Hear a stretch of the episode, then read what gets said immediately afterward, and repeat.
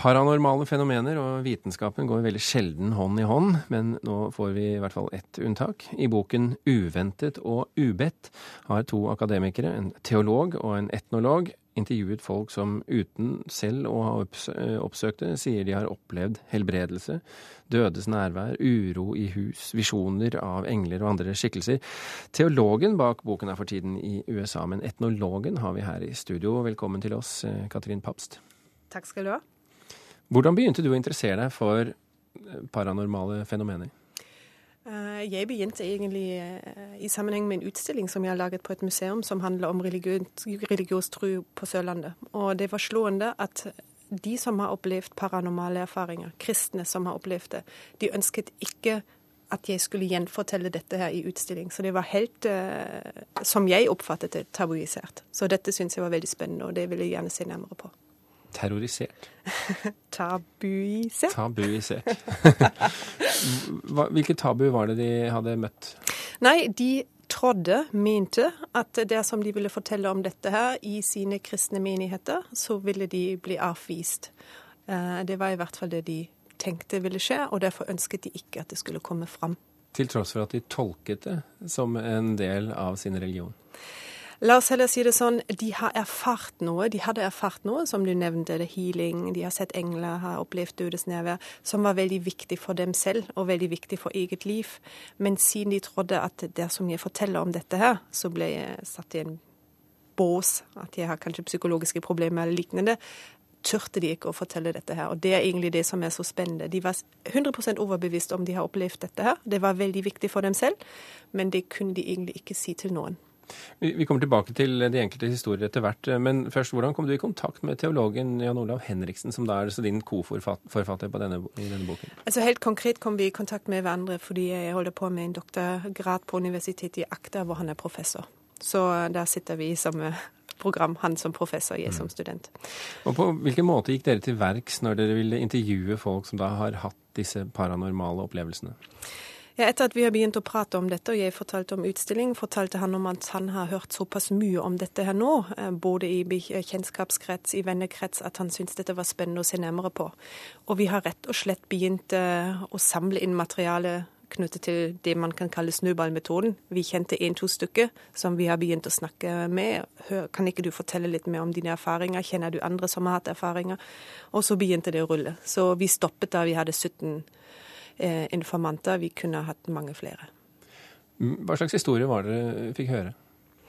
Ja, det er, litt, eh, det er, litt, som du fortalte innledningsvis. Vi fikk høre om folk som plutselig oppdaget at de kan heale. Vi opp, snakket med folk som ble healet. Som ble altså Hvor hadde sagt at uh, du kommer til å dø snart, men de ble altså helt friske etter at de har vært hos sin healer. Vi har snakket med folk som plutselig så sin døde bestemor på sengekanten, som ble vettskremt av dette her, men måtte ta det på alvor. Vi snakker med folk som så engler i mange forskjellige fasonger. Og dette var veldig troverdige beretninger. Og her er vi oppe i et problem, ikke sant? Fordi at uh, de har opplevd det, tror det fullt og fast og 100% og dere som vitenskapsmenn skal isolere og kontrollere at det de sier er sant. Men det kan dere ikke gjøre? Det kan vi selvfølgelig ikke gjøre. Men vi tok utgangspunkt i at dette er voksne, troverdige, Eh, etter alt vi kan bedømme velfungerende mennesker som har hatt erfaringer som var viktige for dem. Eh, og vi var opptatt av å se hvordan de tolker sine egne erfaringer knyttet til sin kristne tro. Så sånn sett har vi omgått, unngått problemet kanskje litt. Likevel, dere skiller jo veldig klart og tydelig i denne boken mellom det dere opp, beskriver som deres erfaringer, altså deres intervjuobjekters erfaringer, og hvordan de tolker dem. Hvorfor er dette eh, skillet viktig for dere? Um, fordi det finnes mange som beretter om lignende erfaringer. Det finnes f.eks. mange som beretter om engler. Men det som er spennende å se etterpå, hvordan bruker de disse erfaringene? Hva gjør de med disse erfaringene? Noen som hadde f.eks. relativt konservativ kristen tro, de avviste erfaring og sa dette kan ikke ha vært en engel. Dette var en visjon Jesus sendte til meg. Um, osv. Andre som eh, reviderte sin kristne trosramme tydelig og sa OK, jeg har lært at uh, alt som jeg tidligere trodde, var kanskje ikke helt sant. Gud har vist meg at det ser litt annerledes ut likevel, så jeg skal ta mine erfaringer veldig på alvor.